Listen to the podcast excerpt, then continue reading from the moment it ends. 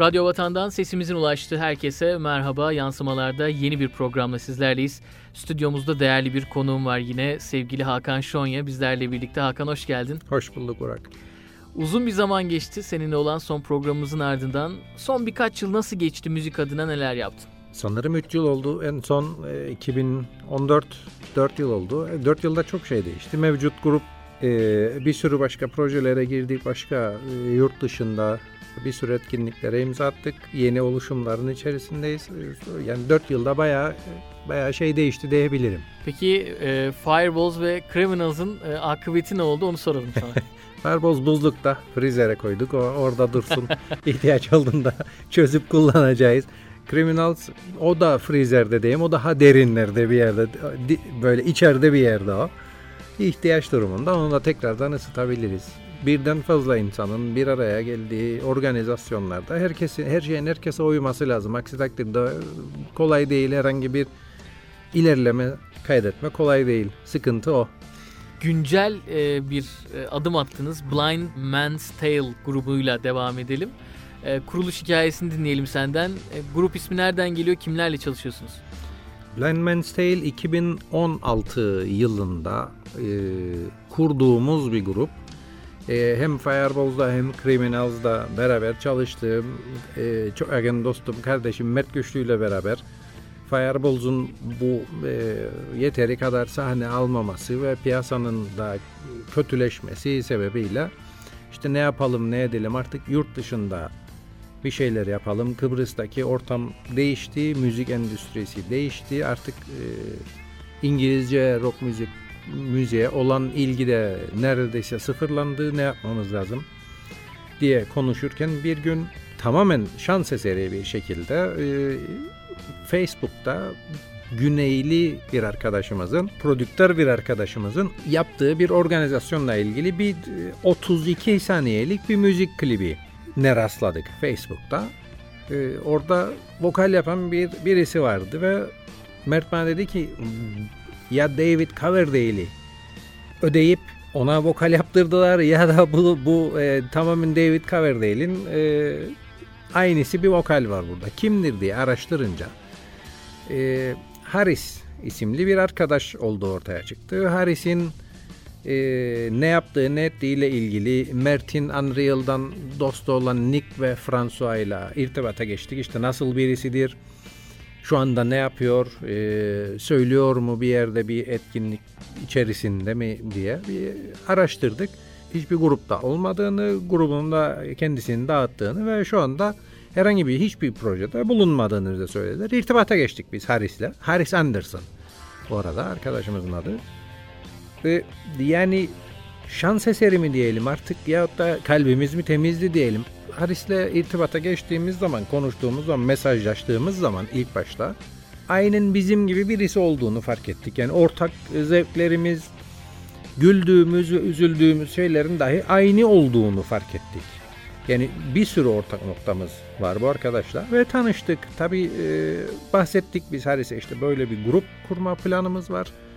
Yalnız e, bizim kafamızdaki grup e, cover yapma değil yani başka grupların halihazırda zaten yaşımız belli bir şeyin üzerinde. Yani Mert ve ben yaşımız artık 40 yani bu kadar senedir 20-25 yıldır müzik yapıyoruz. Başka grupların parçalarını çalıyoruz. Hatta dalgasını da geçiyoruz biz. E, Smoke on the Water'ı Deep Purple'dan sonra en fazla çalan grup biziz diye bunun bu esprisi de döndü bunun yıllarca. Dedik ki yani biz bestelerimiz var e, ve beste yapıp albüm çıkarma ve sadece kendi bestelerimizi çalmak istiyoruz. Böyle bir projede bizimle çalışmak ister misin dedik. Yani kaderin cilvesi mi diyeyim artık nasıl diyeyim yıldızlar mı sıraya dizildi nasıl oldu bilmiyorum. Haris de tamamen aynısını söyledi. İşte ben de grubumu dağıttım. Orada da onlar işte cover yapma niyetindeydiler. Ben de kendi bestelerimi söylemek istiyorum. Beraber çalışalım çok güzel bir fikir dedi.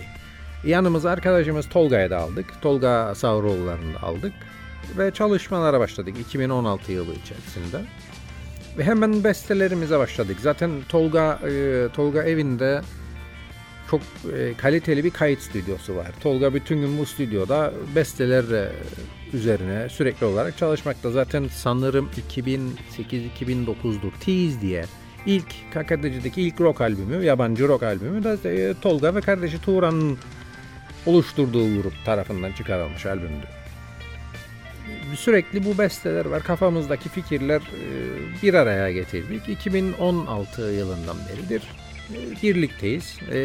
Güzel olan şey şu, yavaş yavaş çabalarımızın meyvelerini toplamaya başlıyoruz. Özellikle bu 2018 yılı içerisinde. 2016'da kurulduk. 2017'de ilk konserimizi verdik. Ve yaptığımız şu e, program boyunca diyelim ki 20 tane şarkı çalıyorsak e, en az yarısının bestelerimiz olmasına dikkat ediyoruz.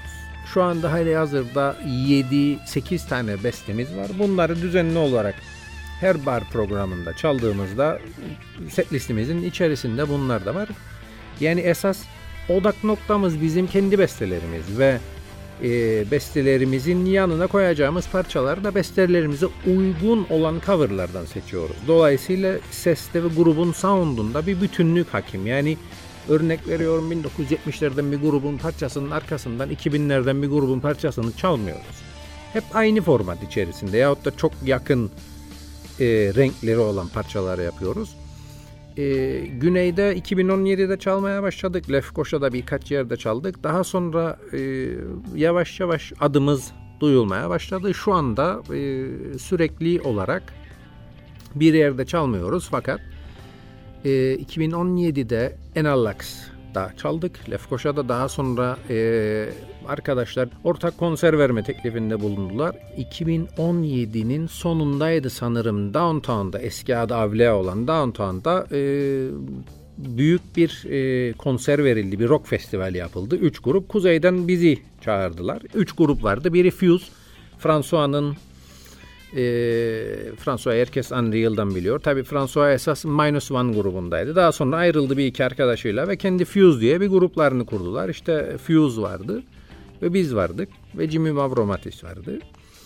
E, daha sonra bizimle e, Savino isimli rock barı irtibata geçti. Savino e, bilmeyenler için söyleyeyim Larnaka'dadır e, kendi seyircisi, kendi kitlesi olan, kendi ses mühendisi olan, e, sahnesi Avrupa'daki büyük barlardan hiçbir şekilde aşağı kalmayan hakikaten güzel bir rock barıdır. Yani hard rock kafe ayarındadır. Çalışanları da e, o formattadır. Bütün sistemi de o formattadır. Bizi çağırdılar dediler ki işte böyle bir e, rock festivali gibi bir şey düzenliyoruz. Bizimle çalar mısınız? Gittik orada çaldık. Daha sonra iki ay sonra e, Yunanistan'da bu bu dönemlerde çok popüler olan Sober on Taxidos diye bir grup var. O ses Yunanistan'ı e, kazanan kişinin grubudur Sober on Taxidos. Onlar Kıbrıs'a geldiler. Onların alt grubu olarak çıkmamızı teklif etti onlar. Blind Man's Tale çalsın dediler. Onlara çaldık. E, şimdi Eylül'ün 29'unda tekrardan e, bu yıl ilk albümünü çıkarmış olan e, Arcadian Child isimli grupla beraber konser veriyoruz 29 Eylül'de Savino'da. Yani e, çok sık olmamakla birlikte sağlam ve kaliteli adımlar atarak bir yerlere gelme uğraşı içerisindeyiz ve bunun meyvelerini toplamaya başladık diye düşünüyorum. 2018-2019'da daha da iyi olacak. Şu anda bütün e, enerjimizi buraya odakladık fakat tabii yavaş ilerleyen bir süreç oldu. Çünkü yani bizi bireysel olarak herkes biliyor. İşte Hakan, Mert, Tolga diye fakat grubu bilmiyor. Fakat bu buzu kırdığımızı düşünüyoruz. Yani gayet güzel geçiyor konserlerimiz. Böyle hınca hınç dolu yani burada Kıbrıs'ın kuzeyinde 2007'lerde 2008'lerde işte tünelde sağda solda yaptığımız gibi 300-400 kişilik konserler oluyor ki biz buna hasretiz aslında. Yani rock konseri hiç kimse rock dinlemiyor. Kuzeyde rock seyircisi ya göç etti ya bir şey oldu bu insanlara bilmiyorum. Fakat yok yani artık böyle 400 bilet keserdik biz 2007'de 2008'de hatırlıyorum. Şu anda güneyde o oralardayız. Biliniyoruz, seviliyoruz. Ee, güzel olan diğer bir şey de e, yeni fark ettik biz bunu. profesyonel olarak e, konserler kaydoluyor videoya ve ses sistemiyle de aynı şekilde. Ve bu videoları bize veriyorlar. Biz e, YouTube'da grubun kanalında bunları yayınlıyoruz. Seyirci, kamera seyirciyi gösterdiği zaman seyircinin nakaratlarda şarkıların içerisinde bizim bestelerimizi söylemeye başladığını gördük ilk defa. Geçen hafta e, videoları izlerken işte o neydi bu neydi diye. Bu çok güzel bir şey. Yani kendi bestenizi siz çalarken tanımadığınız, bilmediğiniz insanların sizin bestenize eşlik etmesi seyircinin bu bu hakikaten parayla alınabilecek e, bir e, şey değil. Çok e, mutluluk ve gurur karışık çok enteresan hisler yaşadık. Geçen hafta izlerdik bu videoları. Güzel bir şey yani bir yerlere gelmeye çalışıyoruz. Bunun haricinde de e, e, Alper var. Alsancak'ta Alper'in e, Solist isimli barı var. Alper geçen hafta işte konuştuk. Alper kış programlarında başlıyor. Bas çalar mısın dedi. Seve seve dedim. E, geçen haftadan başlayarak aldı. Cumartesileri Alper'in solist barında Alper'in grubuyla beraber blues e, ve soul programları da yapıyoruz. Bu ara bütün şeyim bu. E, enerjimi tüketen meşgalelerim bunlar. Yavaş ama emin adımlarla gittiğinizi e, ve işin meyvelerini de gördüğünüzü, bunun da e, olayı daha da keyifli hale getirdiğini söyledin. Ben de şu noktada bir e, soru sorayım. Uzun vadede planlar, programlar yapmaya başladınız mı? Evet uzun vadedeki yani Blind Man's Tale ile ilgili bütün planlarımız programımız zaten uzun vadede. Yani hatta şu anda e, şu anda kayıtları dahi durdurduk. Yani önemli durumlar festivaller dışında çalma çalmama kararı aldık. Çalmayacağız. Bunun sebebi de söylediğim gibi yani işte şu anda 7 tane 8 tane parçamız var. Biz istiyoruz ki 15-20 e, tane parçayla ve bütün set listim bizim parçalarımızdan oluşan bir konserle insanlarla buluşmak istiyoruz. Güneydeki gruplar böyle bırak. Yani güneydeki gruplar cover çalmıyor. Bir, iki en fazla üç tane cover parça var. Herkes kendi bestesini çalıyor. Herkes kendi CD'sini, kendi planını çal, e, satıyor. Bar programlarında. Orada Peki bir... e, konser e, kayıtlarından bir albüm, profesyonel stüdyoda bir albüm düşünüyor musunuz? Şu anda kayıtlarımız durdurduk başladı. İlk dört bestemizi zaten hala hazırda kayıtlarını tamamlamış durumdayız. Fakat Tolga e, yeni evine taşındığı için oradaki stüdyo daha büyük olduğu için e, gerekli düzeltmeler yapılacak ve diğer besteleri artık orada kaydedeceğiz. Fakat e, bu kayıt işine başlarken planımız e, iki ayaklıydı diyeyim şu şekilde yani bir besteyi kaydedip mixini masterini tamamlayıp klibini çekip o şekilde e, işte YouTube gibi yani sosyal medya yahut televizyonlara ve radyolara bu şekilde yaymayı düşünüyorduk. Fakat yaptığımız araştırmada ve bize verilen tavsiyelerde böyle parçaların tek tek e, çıkarılıp da e, sunulması yerine bir bütünlüklü bir formatta bir albüm şeklinde 8-10 parçalık bir albümle e, çıkarsak e, yurt dışından barların, festivallerin, programların daha e, ılım bize daha ılımlı bakacağına ve daha hızlı yol alacağımıza e, karar verdik. Dolayısıyla bu şekilde yapıyoruz. Ha, yani konser kaydı sanmıyorum konser kaydı. Yani şu anda öyle bir planımız yok. Öncelikle albümü bitirelim. ikinci bir albüm için materyal toplayalım. Ondan sonra eğer konser kaydı çıkaracaksak çıkarırız. Biraz önce e, ufak da olsa değindin. Bu konuyu biraz detaylandırmak istiyorum. Alternatif müzik Türk pazarında sınırlı bir etkiye sahip. Özellikle Kıbrıs'ta bunun izlerini daha net görebiliyoruz. Sen iyi bir e, müzik adamı olmanın haricinde işin felsefesine de kafa yoran birisin. Şekillenen piyasa, eğilimler ve toplumdaki sanat algısına dair neler söyleyebilirsin? Faal olarak e, çaldığımız yıllar yani çok da değil aslında en fazla 10 yıl öncesi 2007-2008 e, her hafta sonu bar programı vardı ve biraz önce bahsettiğim 400 bilet, 350 bilet bu şekilde yani 300-400 kişi olurdu içeride. Hınç hınç ağzına kadar büyük barlar doluydu. Zaman içerisinde o yani 10 yıl öncesi bu. Bugün baktığım zaman 400 kişilik bir konser verme gibi bir e, mevhumun artık olmadığını düşünüyorum. Geçenlerde sanırım sosyal medyada gördüm. E, Mausa, Uluslararası Mausa Festivali'nde Inner Circle grubu gelmiş ve çok az insan gitmiş konsere. Yani toplumun müzik zevkinin, müzik tercihinin nasıl şekillendiğini, neye göre şekillendiğini bilmiyorum fakat Gidişat çok da iyi değil bana göre. Kafa yormayı da artık bıraktım çünkü e, dinlenen yahut paylaşılan müzikler sağda solda duyduğumuz şeyler barlarda e, duyduğumuz tınılar yani tamamen kısa vadeli ve tüketime yönelik yani işte yaz parçası gibi. Ya yaz parçası diye bir şey bilmiyorum yani tamam yaz parçası. Niçin yaz par yani şimdi affedersiniz şortla mı dinlenilecek bir parçadır bu yani şimdi kışta dinlenilemez mi yani? E, bozuldu çok ya bozuldu demeyeyim. E, çünkü ben bozulup düzeleceği konusunda bir otorite değilim. Fakat eskisi gibi değil artık. Bunu söyleyeyim. Uluslararası müzik workshopları, atölye çalışmaları diyelim Türkçesiyle e, müziğin gelişimi, müzisyenin e, kendini keşfi için önemli etkinlikler. Ülkemizde yeterli girişim var mı bu konuda? Kesinlikle yok. Kesinlikle yok. Fakat e, bilgilendirme de yok. Yani iletişimde de bir kopukluk var. Az önce söyledim yani bu, bu yılki Uluslararası Mausa e, Kültür Sanat Festivali. Ya, o kadar kaliteli etkinlikler var ki, o kadar kaliteli gruplar var ki. Mesela Fazıl Say geliyor. Kaç kişi biliyor ki? Ya Fazıl Say'ı bilebilirler belki. Fakat bir sürü grup var, yabancı gruplar. Yani Mausa Festivali kimleri kimleri ağırlamadı geçtiğimiz yıllarda ve bilinmiyor. Yani workshoplar tabii ki faydası olur fakat burada müzik tercihinin esas önemli olduğunu düşünüyorum ben. Yani kim isterse olsun yahut nasıl workshop isterseniz yapın.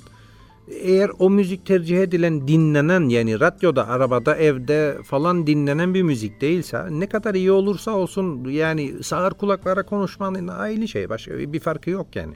Usta müzisyenlerin yanında yetenekli genç arkadaşlarımız var. Bugün birçoğu yurt dışındaki sanat okullarına gidiyorlar. Bu sence iyi bir şey mi yoksa akademik olarak sanat okullarımız sence yeterli mi? Gitmesi tabii ki iyi bir şey. Yani herkes gitsin. Hatta yani bu, bu tabii bizdekiler aman kötüdür da işte oraya giderlerse bir şey öğrenirler demek değil. Ee, kesinlikle öyle bir şey yok. Çok kaliteli müzisyenler, çok kaliteli okullarımız var. Yani bizim ülkemizde verilen eğitim yani iyi niyetli konuşuyor gibi olmayın fakat yurt dışındaki belli başlı okullar haricinde verilen eğitimden aşağı kalır durumda olduğunu düşünmüyorum. Ben örnek verelim. Ee, yani kaç yıl önceydi bilmiyorum. Mesela Doğu Akdeniz Üniversitesi'nin müzik bölümü. Sanırım şimdi değiştiler onun müzik öğretmenliği oldu. Fakat müzik bölümüyken e, çok çok kaliteli öğretim elemanlarının olduğu bir bölümdü. Yani işte bizim e, gruptaki Tolga, e, Tolga'nın kardeşi Tuğra ve bir sürü müzisyen e, Doğu Akdeniz, o dönemin Doğu Akdeniz mezunları çok kaliteli isimlerden ders alarak, çok kaliteli isimler tarafından yoğrularak müzik piyasasına geldiler. Yurt dışında yani önce şu algıdan da kurtulalım. Ee, yani yurt dışında bir şey yapıldığı zaman illaki iyidir demek değildir. Ya tam tersini e, ters açıdan da bakarsak işte bizim ülkemizde mezundur dolayısıyla kötüdür diye bir şey yok yani yetenek tabii ki önemli bir şeydir. Bir müzisyenin müzisyen olmasında yetenek önemli bir şeydir. Fakat yetenek ve çalışma olmadıktan sonra en iyi okullarda dahi yani Juilliard'da okutun yahut ne, ne bileyim Berkeley'de okutun eğer yoksa yoktur. Olmaz. Dolayısıyla iyi bir şey tabii ki gitsinler. Çok iyi bir şey. E, çünkü no, müzik nosyon meselesidir. Yani iyi ya da kötü Kıbrıs'ta gör almış oldukları eğitim belli bir nosyonun e, ürünü olan yahut belli bir nosyonu kazandıran bir eğitimdir. Fakat yurt dışında Hollanda'da, e, İngiltere'de başka herhangi bir yerde aldıkları eğitim farklı bir nosyondur. Ve ne kadar e, çeşitli bilgiye sahip olurlarsa bunun üzerine yaptıkları kendi çalışmaları, sarf ettikleri emeklerle beraber e, çok daha önemli yerlere gelebilirler. Çok kaliteli Burak e, bu son iki yılda bahsettiğim önemli yerlerde çalıyoruz ve bir sürü müzik adamıyla bir araya geliyoruz. Ve sürekli muhabbet derde açılan konular e, Kıbrıslı Türklerin arasında çok çok kaliteli müzisyenler olduğunu söylüyorlar. Yani işte sizde ya şöyle de bir müzisyen var falancayla çalıştık inanılmaz bir gitarcıydı, inanılmaz bir basçıydı denmesi çok önemli bir şey. Yani bizim ülkemizde hakikaten yetenekli müzisyen arkadaşlarımız var. Yansımalarda sevgili Hakan Şonya ile olan sohbetimiz devam ediyor. Müzik eğitimine çocuklarını yönlendirmek isteyen ebeveynlere ne gibi önerilerin olabilir Hakan? Sence yeteneğin mi peşinden gitmek lazım yoksa hırsın mı? Sanırım ikisi de el ele kol kola gitmesi gerekir. Hırs yoksa yetenek bir yere kadardır. Ha ya, yani hırs olup da yeteneğin olmadığı durumlarda da o da söylediğim gibi bir yerde gider ve gider ve duvara toslar. İkisinin e, birlikte gitmesi gerekir ve uzun soluklu bir şey. Yani ya gidip işte 3 yıllık 4 yıllık lisansta işte müzik okudum işte enstrümanım gitar me- mezun olduktan sonra tamam ben oldum gibi bir şey kesinlikle değil. Yani müzik bir okyanus gibi. Yani sürekli herkes her şeyi öğrenme çabası içerisinde. Bugün bakıyoruz bana göre gelmiş geçmiş en iyi gitaristlerden birisi Gadri Govan'dır. Ee, yani müzisyen arkadaşlar dinleyen müzisyen arkadaşlar kimden bahsettiğimi bilecek inanılmaz bir yetenektir adam. Fakat adam günde 8 saat 9 saat her gün istisnasız gitar çalıyor. Gitar çalışıyor adam. Hiç ihtiyacı yok diyebilir insan da ya işte o Gadri Govan niye çalışıyor? Hayır kesinlikle adam çalışmazsa paslandığını söylüyor. Dolayısıyla ikisinin beraber olması gerekir. Tabi yani hem yetenek olacak hem de azim olacak aslında. Hırs demeyelim de azim diyelim. Yani istek olması gerekir ve e, uzun vadede olması gerekir. Bir sürekliliğinin olması gerekir onun. Yoksa işte 3 yıldır gitar e, ya var bizde biz mesela Kıbrıs'ta bizde aileler çocuklarını e, çocuklarının bir müzik enstrümanını çalması konusunda ısrarcıdırlar. Bizde de vardı. Halen daha da var görüyorum. İşte piyano işte kızlar piyanoya gönderilirdi bizim zamanımızda. Erkekler gitara gönderilirdi. Ya işte kızlar erkekler piyanoya gönderilirdi. Tabii benim arkadaşlarımın içerisinde de vardı. E, zorla müzik derslerine gönderilen fakat yani çocuğun içinde o, piyano çalmak istemiyor. Zaten herkes piyano çalacak diye bir şey yok. Herkes bir enstrüman çalacak diye de bir şey yok. Ve ben hatırlarım bir, birkaç tane arkadaşım vardı. Ailesi resmen böyle rüşvet verir gibi para verirdi. Yani işte hadi git derse de tamam ne istersen yapacağız gibi. Ya, şey değil o yani o bir çıkış yolu değil. Tabii iyi niyetli olarak aileler farklı şekilde düşünüyor. Fakat farklı bizde farklı bir de şey var. Ee, tamam enstrümanını çalsın ama e, bir de meslek öğrensin. Ya örnek veriyorum gidip bir şey okusun üniversitede ondan sonra gidip gitar da okuyabilir gibi bir algı vardır. E, bunların da değişmesi gerekir. İnsanların, halkımızın da bilinçlenmesi gerekir. Yani müzik başlı başına bir e, meslektir, bir meşgaledir, bir iştir, bir ya şu şekilde söyleyeyim toplumun e, bakış açısıyla bir ekmek kapısıdır aslında. Yani örnek veriyorum elektrikçi, elektrik teknisyeni neyse müzisyen de e, o da bir meslektir. Yani yanda yapılacak bir şey değil. Yani işte örnek veriyorum ne olsun mesela işte hukuk okusun ama gitar dersine de gitsin. Hayır. Yani hukukçu tamam o avukat olacak ama yani gitar dersine giderse yeteneği o yöndeyse o da bir gitarist olacak. Yahut bir müzik öğretmeni olacak. Bir şey olacak. E, toplumun bunu öğrenmesi, kabullenmesi gerekiyor. Peki Hakan, e, biliyorsun artık e, bir müziğe ulaşmanın e, eskiden e, bir yolu vardı. Giderdiniz kaseti alırdınız ya da planınızı alırdınız evde dinlerdiniz. Artık müziğe ulaşmanın çok yolu var ve e, bunların çoğu da ücretsiz. Müziğe bedava ulaşımı destekliyor musun? Hayır kesinlikle desteklemiyorum. Tamamen karşıyım ben bu işe. Hırsızlıkla benim için aynı değerde. Yani e, var öyle programlar e, örnek veriyorum YouTube'dan mesela işte YouTube'dan dinlediğiniz müziği falanca formata dönüştürüp CD'ye e, basacak e, bir sürü program var. Bu bana göre birisinin cebindeki cüzdanı alıp kaçmayla aynı şeydir. Hiç e, hiçbir farkı yoktur bana göre. Yani müzik dinlemek bir şeyin yanında yapılacak bir e, olay değildir bana göre. Ben kusura bakma ben çok katıyım bu bu konularda çok katıyım. E, çünkü hatta geçenlerde bu e, bir e, bir İngiliz gitaristle bunu konuşuyorduk. E, adam Kıbrıs'ta yaşıyor. Yani tatillere Kıbrıs'ta geliyor. Fakat İngiltere'de ün, e, ünlü bir e, rock grubunun gitaristi. E, adam e, geçen hafta adamın bana söylediği şey şu. 251 bin defa işte albümümüz download yapılmış, indirilmiş. Bana diyor gelen şey çek e, yani royalty derler e, telif hakkı 5 e, kişilik bir grupta bizim arkadaşa düşen pay 75 pound. 251 bin defa indirilen bir albümün 75 5 ile çarparsak işte ya siz yapın hesabı. Yani e, besteyi yapan, parçayı çalan, parçayı kaydeden, parçanın sahibi olan gruptan fazla işte bu e, bu formatlar işte Tidal gibi bu tip şeyler e, daha fazla para kazanıyor ve müzisyen daha az para kazanıyor. Bir de tabi bu bir boyutu, diğer bir boyutu da sağlıklı müzik dinleme. Yani e, düşünün ki e, örne kimi örnek verelim? Guthrie Govan dedik. Guthrie Govan çok önemli bir gitarist. Birkaç bin sterlinlik bir gitarı var. En az birkaç bin sterlinlik bir amfisi var. E, yeteneğini yıllarca harcadığı emeği, saatlerini, yıllarını hesaba katmıyorum. Çok kaliteli kayıt stüdyolarına girip çok kaliteli e, ses kalitesi çok yüksek olan bir albüm yapıyor.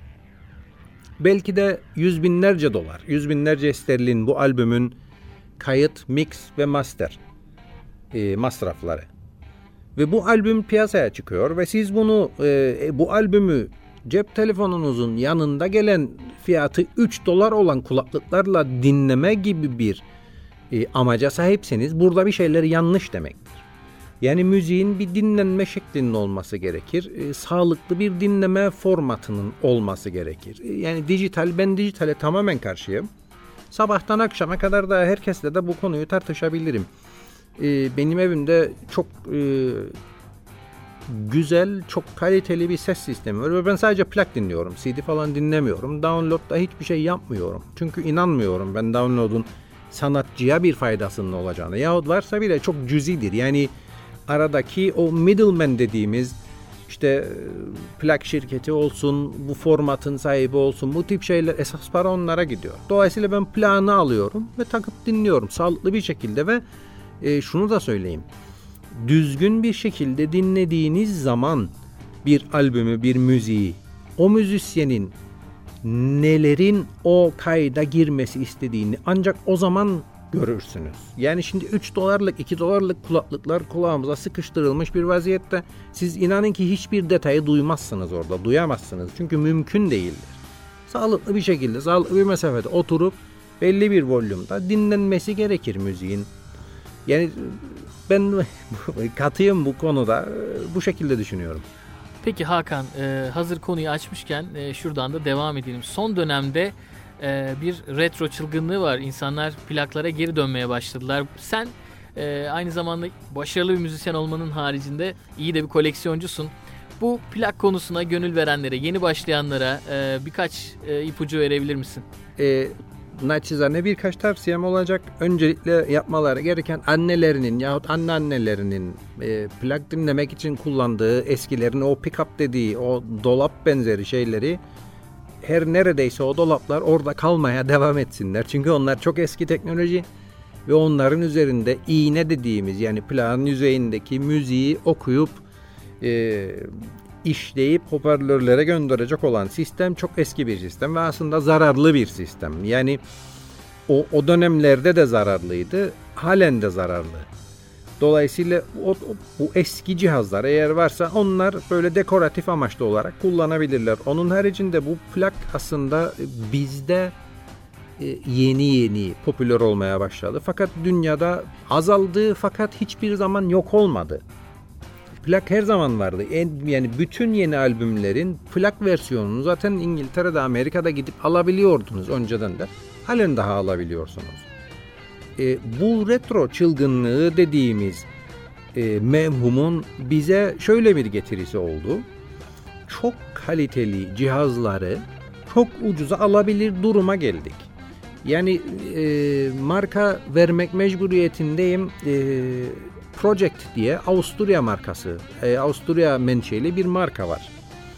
E, Project'in sahibi Çek Cumhuriyeti'ndeki ve Avusturya'daki eski e, plakçalar fabrikalarını alıp yenileyip yeni dizaynlarla ve çok ucuza, çok kaliteli e, plakçalarlar üretmeye 8-9 yıldır piyasanın lideri zaten. Benim de evde kullandığım marka Project. Daha değişik bir modeli fakat aynı marka. Yani örnek vermek e, gerekirse birkaç yüz dolara ya birkaç yüz euroya sizi ömür boyu çekecek kadar kaliteli e, ve sağlam e, plak çalarlar alabilir durumdayız şu anda herkes için bu şekilde. Çoğu insan ben zaten bir dönemde yazılar da yazdım. Çoğu insan bana soruyor. E, yani bu eski cihazları bir kenara bırakıp e, artık yeni ve modern ve plağa zarar vermeyecek, plağın ömründen yemeyecek cihazlar kullanmak çok kolay artık. Yani isteyen herkes ulaşabilir, internet üzerinden alabilirler. Peki bir e, plağın ömrü ne kadardı? Nasıl saklanması gerekir? Plağın ömrü aslında insan ömründen uzundur. Eğer iyi bakılırsa, iyi saklanırsa plağın ömrü insan ömründen uzundur. Yapılmaması gereken belki de birinci şey yani artık kırmızı çizgi denir ya. Plağın yüzeyini elle tutul, tutmaması gerekir insanın. Çünkü e, plağın yüzeyi çok ince çiziklerden oluşur. Ve plak iğnesi, plakçaların iğnesi bu çiziklerin içerisinden geçerek oradaki titreşimleri okuyup müziğe çevirerek müzik üretir. Dolayısıyla siz onu tuttuğunuz zaman eliniz temiz dahi olsa e, cildinizdeki ter, e, yağ gibi maddeler plağın yüzeyine geçiyor ve plağı e, kirletiyor, okunmaz hale getirebiliyor. Yani plak kenarlarından tutulması gerekir. Dinlendikten sonra yine aynı şekilde kenarlarından tutup e, tekrar kılıfına koyduğunuz zaman başka ekstra hiçbir şey yapmanıza gerek yok. Peki Hakan, son dönemde tecrübe ettiğin, dinleyicilerimize önerebileceğin e, ürünler var mı sanatsal olarak sinema dünyasından, e, edebiyat dünyasından veya müzik dünyasından? Son dönemlerde aslında son dönemde birkaç yıldır popüler olan bir e, grup var. E, Khrangbin grubun adının e, telaffuz edilişi. E, ikinci albümlerini sanırım bu yıl çıkardılar. Con Todo El Mundo diye bir albüm. E, bazı radyolar çalıyor bazı parçalarını hatta klibi falan da var.